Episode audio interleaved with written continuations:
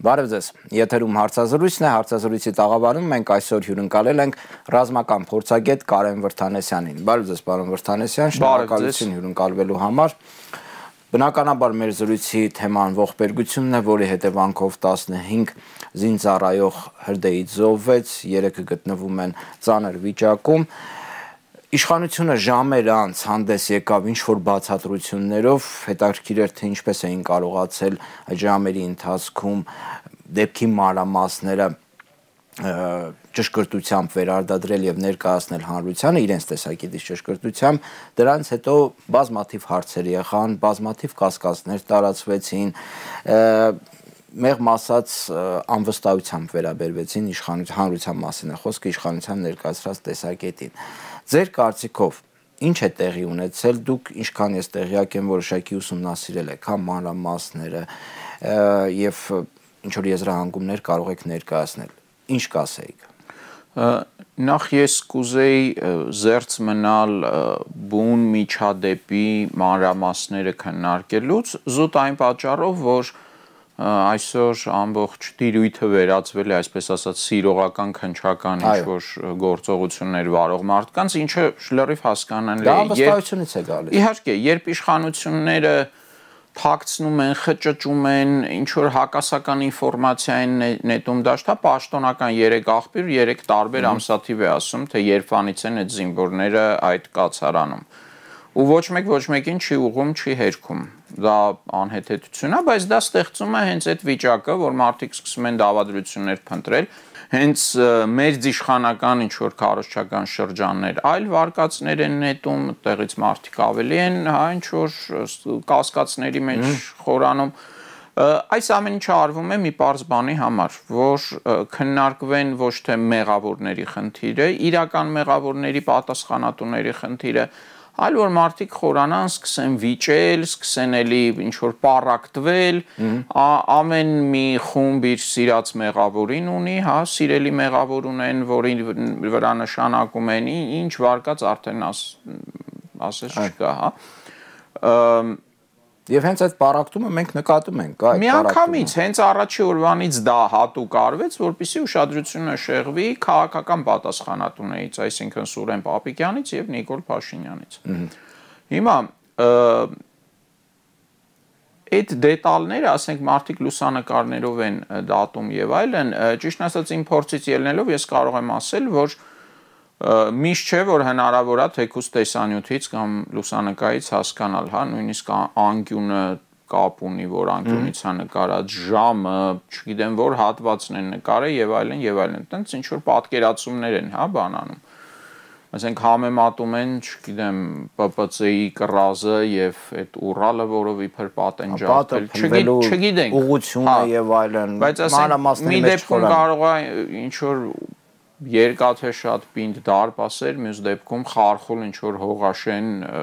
քարերով, հողով կպցրած քարերով ինչ որ տուներ։ Մի խոսքով, դա այդ ամեն ինչը մի կողմ դնենք, փաստը հետեւյալն է. եղել է ողբերգություն, ցավոք դա եղել է օրինաչափ ողբերգություն աշխարի որևէ բանակում հնարավոր չի խուսափել միջադեպերից, այդ թվում մասշտաբային, հա, լինում է, պատահում է, այն աշխարի ամենահարուստ, ամենալավ, ամենապրոֆեսիոնալ բանակներում նման խնդիրներ parberabar լինում են, անխուսափելի է։ Մեր դեպքում արտառոցը ո՞րն է այդ դեպքում։ Մեր դեպքում արտառոց ցավոք որևէ բան չկա, որովհետև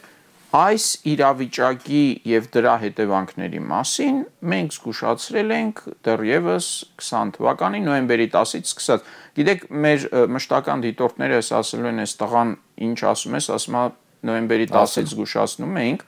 բայց իսկապես զգուշացրել ենք, որովհետև Պարզա չէ, եթե մարդը անգնում է, գլուխը բարձրացնում է վերև, սկսում է քար գցել։ Դե ասենք 2, 3, 4 անգամից հետո այդ քարը իր գլխին անգնելու, չէ՞։ Ինչ ուզում է անի։ Ասենք մաթեմատիկա է, հավանականությունների տեսություն է։ Հիմա նույն ձևի, եթե մարդիկ համակարգը քանդում են եւ չեն վերականգնում, Բնական է, որ համակարգը, որտեղ տասնյակ հազարավոր մարդիկ են, երիտասարդներն ամանավանդ, անընդհատ ինչ որ նման խնդիրներ առաջացնելու։ Իդեպ մենք օրինակ սենց էլի տենց խոս չխոսվեց, լղոզվեց գնաց, բայց սեպտեմբերյան մարտական գործողությունները սեպտեմբերի 13-ի 14-ի անցած տարի դա խայտարակ տապալում էր։ Մա անգլերեն ասած failure։ Խայտարակ տապալում էր ամբողջ համակարգի եւ ելի քաղաքական պատասխանատուների հարցը տենց պայթեց ալիքը մի պա մարդիկ հավաքվեցին ինքնաբուխ բայց հետևողական ձևով այդ թեման չշարունակվեց Իդեպ սեպտեմբերի այդ դեպքերից հետո են ասում, որ զինվորները հայտնվել են այս կացարաններում։ Հիմա այդ հարցն է քննարկվում, հա, թե ինչ գործ ունեն, օրինակ զինվորները քաղաքացիական, հա, այդ կացարաններում եւ Նաև այսպիսի հարցադրում է հնչում. Փաստացի Փաշինյանի իշխանությունը տեղավորելով զինվորներին գյուղերում, հա, հենց քաղաք մարդկանց տների կողքը, դա Ադրբեջանի համար դարձնում է լեգիտիմ թիրախ ռազմական տեսանկյունից եւ հնարավոր աստված մի արասե ռմբակոծության դեպքում Ադրբեջանը շատ հանգիստ կարող է ասել, որ տեսեք մենք լեգիտիմ ռազմական թիրախների ենք խփել։ Սա այս առումով ինչ կասեք, հա, ինչու են այդպես արել։ Այս իրավի, այս իրավիճակը ծայրից ծայր խնդիրների sense ինչ որ մի հատ կույտ է, ընդում լրջագույն խնդիրների։ Եկեք հասկանանք, նախ երբ են տեղավորվել, հա, այդ բանում այս թեման մեկ ասում են 20 թվականի պատերազմից հետո մի այլ պաշտոնական աղբյուր, հա, կարծեմ քնչական ասում է, որ 21 թվականի մայիսից հետո են տեղավորվել, հա, երբ ադրբեջանական զորքը ներխուժեց արդեն տարածք։ Ու նաև ասում են, թե սեպտեմբերի 13-14-ի այդ կռիվներից հետո են տեղավորվել։ Ասում են, ինչ որ զորանոցը ռմբակոծել է Ադրբեջանը։ Մի բան փաստ է, որ անցել է, եթե նույնիսկ հաշվենք 21 թվականի սեպտեմբերից 4 ամիս անցել է այդ խնդիրը, 4 ամսում պետք է լուծվեր։ Չպետք է լուծվի, то есть չպետք է հրաապարակը լուսավորեին միլիոնավոր դոլարների, պետք էր այդ գումարները շատ շտապ ուղղել այդ խնդիրը լուծելու։ Սա մեկ։ Երկրորդը, սա միակ այսպիսի զորամասը չի։ Հա, հիմա փորձում են ինչ որ մեղավորներ նշանակեն, չգիտեմ, դասակի հրամանատար, բրիգադի հրամանատար եւ այլն բայց այդ զինվորները հո ինքնագլուխ չեն ասել, հա, գնանք զորամասից, գնանք մի հատ բանում քնենք, հա, որ փոշմանել ենք, չենք ուզում զորամաս, գնանք գյուղում քնենք, абսուրդ է, չէ՞ դա։ mm -hmm Հիմա իրանք չգիտեին այդ վիճակից հնարավոր չի, չէ՞, այդպիսի բան ինքնագլուխ լինի։ Դա եղել է միայն այն դեպքում, ի վերջո փող են տվել, չէ՞, նաև այդ տան համար, այդ փողը զինվորները իրանց գրպանից չեն հավաքել, դա պաշտպանության նախարարությունն է, չէ՞, վճարում այդ տներում ապրելու համար։ Այո։ Այսինքն ունեցել են խնդիր վճարել են։ Սուրեն Պապիկյանը դա չգիտեր, իհարկե գիտեր։ Հիմա որ ձևացնում են, սենց մտահոգ դեմքեր են անում, հա, թե թե վայ, էս ինչ հա, բան, Պարզվում է հայկական գեներում է խնդիրը, հա, ասենց որ ապուշ թեմային նետում դաշտելի ծամծմելու, հա, չէ, խնդիրը հենց իրանց մեջ է։ Խնդիրը Սուրեն Պապիկյանի, Նիկոլ Փաշինյանի եւ այդ ամբողջ խմբի մեջ է, որոնք նպատակաուղղված ձևով քանդեցին պաշտպանական համակարգը, 44 օրյա պատերազմը ըստ էության իրենց համար մի մեծ նվեր էր, որովհետև իրենք խնդիր ունեին բանակի հետ Այդ մասին էլ ճիշտ ասած 2018 թվականի սեպտեմբերին եմ ասել, երբ իրենք ահռելի այդ մեծ բանով ստացան ընտրություններում, հա, քաղաքապետի ընտրություններում արտահերթ ստացան այդ մանդատը, ես ասացի, որ այս մարտիկ այսօր նաև սա անկալում են որպես մանդատ Արցախը հանձնելու։ Եվ այդ պահից Նիկոլ Փաշինյանի համար մեկ հակառակորդը քաղաքական դարձան բանակը, Արցախը եւ բնականաբար դատական համակարգը։ Նաեւ ԱԱՑ-ն երևի ինչ շապը։ Այո, նաեւ ԱԱՑ-ն։ Այդ համակարգերը, դե անվտանգային համակարգը, անվտանգային գծիկ պաշտպանական։ Սատանաներ էին բռնում, հա ԱԱՑ-ի աշխատակիցները։ Այո, անվտանգային պաշտպանական համակարգը Արցախը, Արցախը եկեք հասկանանք, որ դա նաև ինստիտուտ է հա ընդդեմ հենց հայկական պետականության ինստիտուտ է դա անսովոր ասենք ինչ որ ավանդական սխեմայի մեջ չի մտնում հա բայց դա մեր պետականության, մեր մեր ինքնիշխանության մի կարևոր մասն է։ Նաև մեր անվտանգության համակարգը, ինչպես հիմա ակնհայտ տեսնում ենք։ Դե ինքնիշխանությունը հենց անվտանգությունից է գալի։ Պետության գլխավոր ֆունկցիան որն է անվտանգությունը։ Մարդիկ զիջում են իրենց իրավունքների մի մասը, ազատությունների իրավունքների մի մասը կամավոր զիջում են տալիս այսպես ասած պետությանը, հա, հարկեր են վճարում, ծառայում են բանակում եւ այլն, որպիսի պետությունը որպես համակարգ, համակարգված ձևով պաշտպանի իրենց անվտանգությունը։ Եթե պետությունը դա այդ անվտանգությունը եթե չկա, ինչ ինքնիշխանության մասին կարելի է խոսել։ Պարոն Վարդանեսյան, վերադառնալով հայտ զինվորներին գյուղերում տեղակայելու այդ հանգամանքին, սա հանցավոր անփութություն է։ Սա ինչ է։ Իրենք ռազմական տեսանկյունից իրավունք ունեին երկարաժամկետ, հա, կտրվածքով նման բան անելու։ Թե պետք էր ինչ-որ արագ զորանոցի խնդիր լուծել, զինվորներին հավուր պատշաճի տեղակայել եւ այլն, սա ում պատասխանատվության տակ է։ Նույնիսկ սենց պատկերացնեք մենք ինչ վիճակում ենք հայտնվել, եթե դուք այսպիսի հարց եք տալի։ Այսինքն սա նույնն է, ոնց որ մենք հիմա ստիպված լինենք քննարկել երեխաներին պետքա կերակրել, թե չէ։ Արդյոք ծնողները պատասխանատվություն ունեն իրենց երեխաներին կերակրելու, թե չէ։ Դու մարդկանց տարել ես ծառայության, հա, դու ամեն ինչով պատասխանատու ես այդ մարդկանց անվտանգության համար, որովհետև իրենք է քո անվտանգությունն են ապահովում անհրաժեշտության դեպքում կյանքի գնով դու ըստ էության ոչ մի բան չես արել, հա, բրախել բառը շատ հստակ ցույց է տալիս այն ինչ կատարվել է։ Բրախել են ու ոչ միայն այս այս երջանկահիշատակ տղաներին, այլ ընդհանրապես բրախել են շատ մեծ քանակով մարդկանց։ Այսպիսի տեսանյութեր, այսպիսի լուսանկարներ մենք տեսնում ենք 20 թվականի նոյեմբերից սկսած, հա, ձների մեջ վրաններում ապրող զինվորներ, ինչ որ թաց կարտոններ են փռում, հետո վրայից ինչ որ բան, որ կարողանան բան անեն, հա, քնեն այս փեչերով 22-ի ամառը նման դեպք գրացվել է զինվոր այրվածներից բանացել է։ Մի այլ դեպք էլ հիշեցնեմ, երբ մարտական դիրքում ընդամենը վրաներ զինվորների տեղակայման համար ու թշնամու դիպուկահարը սպանել էր մեր զինվորին վրանում քնած ժամանակ, այսինքն հերթափոխից եկելա, պարկել է քնելու վրանում, կրակել են, սպանել են։ Էդ ինչ վիճակա, մարտական դիրքում, ասենք, այդ կարգի անպաշտպան լինի, ու գիտեք, երբ այդ ինչն է առավել վրթովեցնում, հա, ու ինչն է ստիպում պահանջել այո այս մարդկանց հրաժարականը իրենք հիմա անմեղ են ձևանում, որտեղ ասես խնդիրներ փնտրում են բացի հենց իրենց այդ ստեղծած համակարգից, այս մարդկանց բազմիցս զգուշացվել է, որ այսպես է լինելու, որ չի կարելի այսպես, որ խայտարակ վիճակ է եւ ամրաշինական կառույցների իրավիճ հարցում եւ ընդհանրապես կացարանի հարցում։ Հա, ի վերջո այդ մարդիկ, որ գնում են այդ պայմաններում ծառայում են, վերադառնում են, իրենք կուզեն լինել Հայաստանի քաղաքացի, թե միանգամից փախնելու են այլտեղ։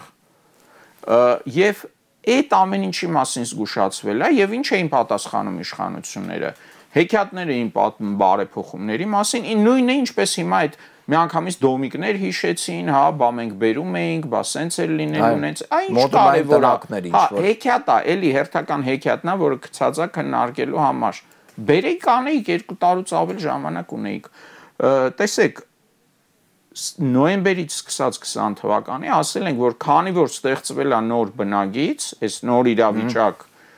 ամեն ինչ պետք է դնել մի կողմ, էլի այս տաղավարում մեկ էլ չէ մի քանի անգամ ասել եմ, բոլոր խնդիրները դառնում են երկրորդական, առաջնայինը դառնում է անվտանգությունը, անվտանգության համակարգի վերականգնումը, կատարելագործումը, պատերազմից դասերի քաղելը եւ այլն եւ այլն։ Հիմա վիճակը այնպեսին է, գիտեք, այսպեսի վիճակ 90-91 թվականներին էր, երբ պարտիզանական ֆիդայական ջոկատներ գնում էին Արցախ, ինչ որ տեղացիների, գյուղացիների տներում թաքնվում էին, որ ռուսական, սովետական օմոնը բան չանի, հա, ժամանակ հասկանալի էր, բնակիչ չկար, առաջնագիծ չկար։ 92 թվականին եմ ես եղել մարտական գործողություններին սահմանում, ասենք այն ժամանակվա վիճակը երևի թե ավելի կարգապահությունը ավելի շատ էր, չնայած էլի վրաններ էին, էլի ինչ որ փեչով տականալ էր եւ այլն, բայց դե 92 թիվ մի քանի ամիս էր ընդամենը այդ բանակը ստեղծված։ Դա parza, բայց էլի շատ ավելի ամեն ինչ բան էր։ Ի վերջո այդ առաջնագծում էր այդ ձև, հա, հենակետերում, բայց էլի զորանոցները կային, մարդիկ զորանոցներում էին քնում, ոչ թե ինչ որ գոմանման շինություններում, հա ու ամբողջ հարցն է, որ այս բոլոր թեմաները հիմա դոմիկ էինք բերում, չգիտեմ, վարվելա չի վարվել այդ գեղարվեստական նկարագրությունը թե կանիստրը շպրտեց մի կողմ չգիտեմ դեպքի ժամեր անց ասենք ոչ մեկ չի հարցակնվել ներկաներից ինչ հեքիաթները հա սա մի հատ մի հատ գունավոր հեքիաթ տենց գեղարվեստական ոդքի վրա մոգոնեցին տվեցին մարդկանց քննարկելու հետո բռնեցին գլխատեցին կորպուսի հրամանատարությունը կորպուս, որը առաջնագիծ է պահում։ Դե ասին գտանք պատասխանատուներին, տեսեք, հա, զինվորականներն են երկրորդ կորպուսը։ Բայց չաշխատեց դա։ Կարծես Հա, չաշխատեց։ չաշխատեց ու ելի շարունակվեց, բա ինչ որ դիվերսիա ա եղել, Այս նույնիսկ բաներ հնչեցին սենց ակնարկներով։ Ես չգիտեմ, օրինակ դա հատուկ է արվել արդեն թե ոչ, բայց թե իբր գյուղացիներն են վառել, հա ինչ որ Դե էս- ցանցերում ինչ հա, հնարավոր տարբերակ ասես քննարկեցին։ այդ այդ այդ աղբի ալիքը ը, զուտ այս այս ամեն ինչից արդեն շեղում է մեղավորների թեմայից իսկ հետո էլ վերջում էլ արդեն մտանաժը պահանջելով կալանավորել կալանավորման բանով Սեյրան հա, Օհանյանին։ թե նախկին պաշտպանության նախարար այսինքն ուղիղ չեն ասում ինչ թեմա է ինչ քրեական գործ է բայց մարդկանց մոտ տպավորություն է ստեղծվում, չէ՞, ինչ որ այդ 15 զինվոր է զոհվել նախկին պաշտպանության նախարարին, ընդդեմ երբ նախկին էլի, քանի տարի առաջվա։ Բայց այդ բնագիծը առաջացել է Նիկոլ Փաշինյանի օրը Արցախի շրջանները հանձնելու պարագայում։ Մարդկանց մեծ մասը չի հասկանում, ոչ է քարտեզին ա նայում։ Ինչպես պատերազմի ժամանակ հավատում էին այն հեքիաթին, թե մենք իբր Գետաշենը ազատագրել ենք, որովհետև իրենք նույնիսկ քարտեզի վրա չէին նայ գետաշենը այդ որտեղա, հա։ ԿՊԱ-կան падգամավորներն էլ ասում են երբեք առաջնագից այսպես լավ կահավորված չի եղել, քան այսօր, բայց հիմա մենք տեսնում ենք։ Հենց այդ падգամավորն է, падգամավորը, երբ զգուշացնում ես, որ ասում ես այս այս այս խնդիրները կան, որ սա աղետա չի կարելի այսպես։ Նույն падգամավորը հարցակվում է ասողի վրա, հարցակվում է քննադատողի վրա, փորձագետի վրա, գոռում է լրագրողի վրա, ով իրեն տհաճ հարցեր է տալիս, հա այնպիսի սենց վերևներից թե դուք չեք հասկանում մենք ինչ ենք անում մենք շատ լավ հասկանում ենք իրանք ինչ են անում իրենք նպատակաուղված ձևով կազմականդում են զինված ուժերը, կազմականդել են արդեն եւ շարունակում են կազմականդել, որովհետեւ վտանգ են տեսնում Նիկոլ Փաշինյանի այդ անձնական իշխանության համար։ Սա տիպիկ բռնապետական գործ գործելավոճ է։ Ինքը բանակը մինչև վերջ քանդելու է հավաքի իր համար անձնական մի հատ գվարդիա։ Արդեն անում են ներքին գործերի, այո, նախարարության բանի տակ է։ Պարոն Վարդանեսյան, այս ամբողջ աղմուկի մեջ կարծես երկրորդական, երրորդական թեմայա դառնում քաղաքական պատասխանատվության խնդիրը։ Ի վերջո, ով է կոնկրետ պատասխան տալու այս իրավիճակի համար։ Դուք նշեցիք, որ սա եզակի դեպք չէ, որ զինվորները նման պայմաններում են, այսինքն դա նշանակում է, որ յուրաքանչյուր պահի նման դեպքի կրկնություն հնարավոր է։ Աստված մի արածце, բայց հնարավոր է։ Հիմա ով է քաղաքական պատասխանատվություն կրում այս ամենի համար։ Դուք ասացիք, որ սոցցանցերում, հա, որ առնվազն Սուրեն Պապիկյանը պետք է հրաժարական տա։ Դա ինչ որ էլի կրկին վեճերի տեղիք տվեց, թե ինչու Սուրեն Պապիկյանը պետք է Նիկոլ Փաշինյանը հրաժարական տա, թեման շեղում եք Նիկոլ Փաշինյանից, Ե, Հիմա ինչ Սուրեն Պապիկյանը որևէ պա- պա- պատասխանատվություն կրելու անհրաժեշտություն չունի այս բարակայում։ Տեսեք, Եվ ինչու չպահանջել Նիկոլ Փաշինյանի հրաժարական։ Ես չեմ հասկանում, հա, այս կոնֆլիկտի բնույթը։ իրական որևէ կոնֆլիկտ չկա, Քննարկումներ, լավ է, Լավ, տեսա։ հա, որևէ կոնֆլիկտ չի կարող լինել այս հարցում, որովհետև Նիկոլ Փաշինյանն էլ Սուրեն Պապիկյանն էլ նույն հանցավոր համակարգի կարևոր բաղադրիչներ են։ Այո, գլխավորը Նիկոլ Փաշինյանն է։ Երևի թե նույն սոցցանցային տիրույթում շատ քիչ մարդ կա, որ ինձնից հաճախ, ինձնից շատ այդ մասին խոսել է։ Քիչ մարդ կան, հա էլ նկարներ եմ սարքել, որ առ այսօր մարդիկ իրենց մոտ ունեն, տարածում են, հա, եւ այլն եւ այլն։ Մի խոսքով, այդ այդ մի կողմ դնենք, հա, դա ավելի շատ տեղեկատվական մասն է։ Ը, Ուղղակի պատասխանատուն Սուրեն Պապիկյանն է, որպես այդ գերատեսչության արդեն մի տարուց ավելի ղեկավար։ Սա մեկ։ Նիկոլ Փաշինյանը պատասխանատու չի, իհարկե պատասխանատու է եւ որպես նշանակող, եւ որպես ընդհանրապես այդ քաղաքականությունը սկսած քայքայման, որտեվ քայքայման քաղաքականությունը սկսել է ոչ Սուրեն Պապիկյանով։ Դա սկսվել է այդ, ինչ ասեմ, դեռ Դավիթ Տոնոյանի նշանակումով, երբ որ օրինակ նախորդ ծրագրերը դադարեցվին, բազմաթիվ ծրագրեր։ Սկսեցին ամեն ինչ վերաձևել։ Սկսեցին անել ինչ որ անհասկանալի չարթարացված գնումներ, որոնց միակ նպատակը Նիկոլ Փաշինյանի գովազդն էր։ Հա, ինչ որ նկարվի, սելֆի անի ինքնաթիռից եւ այլն։ որոնք հետո parzvեց ոչ էլ արդյունավետ կարողացան օգտագործել։ Դե հարցեր չունեին։ Այդ իրականում մի քիչ այդպես չէ։ Դե ասում են, էլի հիմա ես չգիտեմ։ Այդ այդ այդ էլա բան մի խոսքով շատ-շատ աստեղ, հա, խառնած, որ որ կարողանային օգտագործեին, այսպես ասած։ Ա մի խոսքով այս ամեն ինչը երբ որ հաշվի ենք առնում, այո, համար 1 մեղավորը պատասխանատում եւ մարդ, որը վաղ թե ուշ պետքա այս ամեն ինչի համար դատվի, դա Նիկոլ Փաշինյանն է։ Դա փաստ է։ Արդյոք նշանակում է, որ Սուրեն Պապիկյանի հրաժարական չպետքա պահանջել։ Այսինքն ինչ սեպտեմբերյան ռազմական գործողությունների խայտարակ տապալում, հա, Ադրբեջանը հարցակվեց, խորացավ Հայաստանի տարածք, 200-ից ավել կորուստ տվեցինք, ինչի եմ ասում 200-ից ավել, որովհետև հստակ թիվը մինչև հիմա այդպես էլ չկա, հնչեցված չի, հա 4 ամիս անց, ինչպես եւ 44 օրյա պատերազմի դեպքում։ Մարմինները ասում են կա որ չեն բերել։ Ինչպես եւ մնացած բոլոր դեպքերում։ Մենք չգիտենք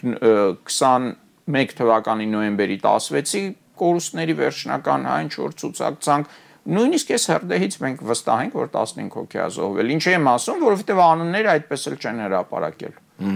Հա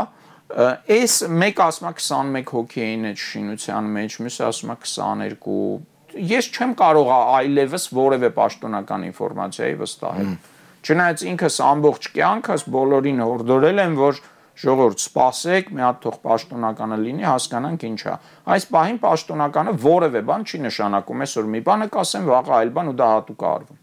Մի խոսքով վերադառնալով բանին, հա, անմիջական պատասխանատուն Սուրեն Պապիկյանն է,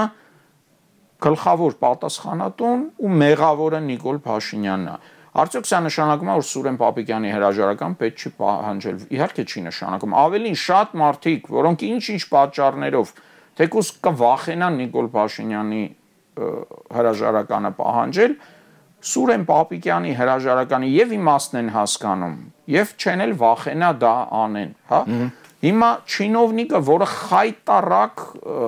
չեմ, նույնիսկ չգիտեմ, դա սխալներ չի, ելի եմ ասում, դա օրինաչափ է ինչ եղել է։ Դե մարդկային կյանքեր են արժենում։ Մարդկային կյանքեր են արժենում ու խոսքը արդեն հարյուրավոր կյանքերի մասին է, հա, սեպտեմբերի բաները չմոռանանք, չտարանջատենք։ Տարբեր ոլ եղավ, մեկը մարտական, մյուսը ոչ մարտական, բայց նույն այս համակարգային տապալման հետևանք է դա, հա Հիմա ինչը ինչ մնա Սուրեն Պապիկյանը, հա դե ասում են, եթե հանենք, հանե այլ ավելի ոչ կոմպետենտ մեկին է բերել դնելու, այդ եք ուզում։ Նույն ոչ կոմպետենտը կիմանա, որ ժողովրդական ցասման ալիքը կարող է իրեն հանել։ Օրինակ, հա, այո, առանց Նիկոլ Փաշինյանին փոխելու որևէ խնդիր նորմալ համագարկային ձևով հիմնարար ձև չի լուծվելու, մենք դա հասկանում ենք։ Բայց դա չի նշանակում, որ իր այդ, այսպես ասած, հանցակիցների հրաժարականի պահանջ չպետք է լինի։ Ավելին, խնդրեմ, սկսեք Նիկոլ Փաշինյանի հրաժարականի գործընթաց, առաջինը ես կլինեմ, որ այդ գործընթացին կմիանամ։ Հիմա այս իրավիճակում վերջին հարցը եւ ավարտենք։ Ինչ պետք է անել, պարոն Վրտանեսյան։ Ամենասովորական քաղաքացին նայում է, վերլուծում է, հա՞ եզրահանգումներ է անում։ Սակայն անզորության զգացում է գալիս մարդկանց մոտ, հա, լավ ինչ անել։ Նախ պետք է հստակ հասցեավորված դժգոհություն հայտնի։ Մարդկանց թվում է դա անիմաստ է, իրականում ոչ։ Շատ ու շատեր իշխանությունները հետևում են եւ իրականում վախենում են ժողովրդի կարծիքից, երբ այն ունենում է հստակ պահանջ հասցեատեր։ Հասցեատեր Դրա համար են հատուկ լղոզում, հա նախկիններն են մեղավոր, չգիտեմ, այլ մոլորակայիններն են մեղավոր, բոլորը մեղավոր են, բացի իրական մեղավորներից, հա, այդ լղոզելու process-ը հատուկ արվում, որ մարդիկ այդ ինֆորմացիան խառնելն էլ է հատուկ արվում, որ մարդիկ չկարողանան վերլուծեն, ասեն, գլուխ չեմ հանում բայց կա հստակ մեղավոր Նիկոլ Փաշինյան, Սուրեն Պապիկյան։ Ու մարդիկ պետք է այդ դժգոհությունը չվախենան արտահայտել, որովհետև վաղը դա նաև իրենց երեխաներին, իրենց հարազատներին, բարեկամներին է նաև վերաբերելու այդ ամեն ինչը, հա, մենք բոլորս այսպես ասած մի նավի մեջ ենք։ Այս կամ այն չափով Երբ որ մեկը արտահայտվում է, իր կողքինն էլ արդեն տեսնում է, որ կարող է արտահայտվել։ Չպետք է վախենալ այն ֆեյքերից, որ գալիս ինչ որ տակը բաներ են գրում եւ այլն։ Պետք է ասել, անձնական զրույցներում էլ այդ հարցը պետք բարձրացնել։ Պետք է ամեն տեղ ասել. Սուրեն Պապիկյանը մեղավոր է, Նիկոլ Փաշինյանը մեղավոր է։ եւ այլևս հնարավոր չի այս ամեն ինչը սենց դիմանալ սրան, հա, մենք պետք է բոլորով համախմբվենք այ այդ վտանգի դեմ մեր զինվորների ու ընդհանրապես մեր անվտանգության համար։ Շնորհակալություն հյուրընկալվելու համար, այսքանով ավարտենք։ Հարգելի հերոստատիտողներ, հիշեցնեմ, որ այսօր մենք հյուրընկալել էինք ռազմական փորձագետ Կարեն Վրթանեսյանին։ Կհանդիպենք։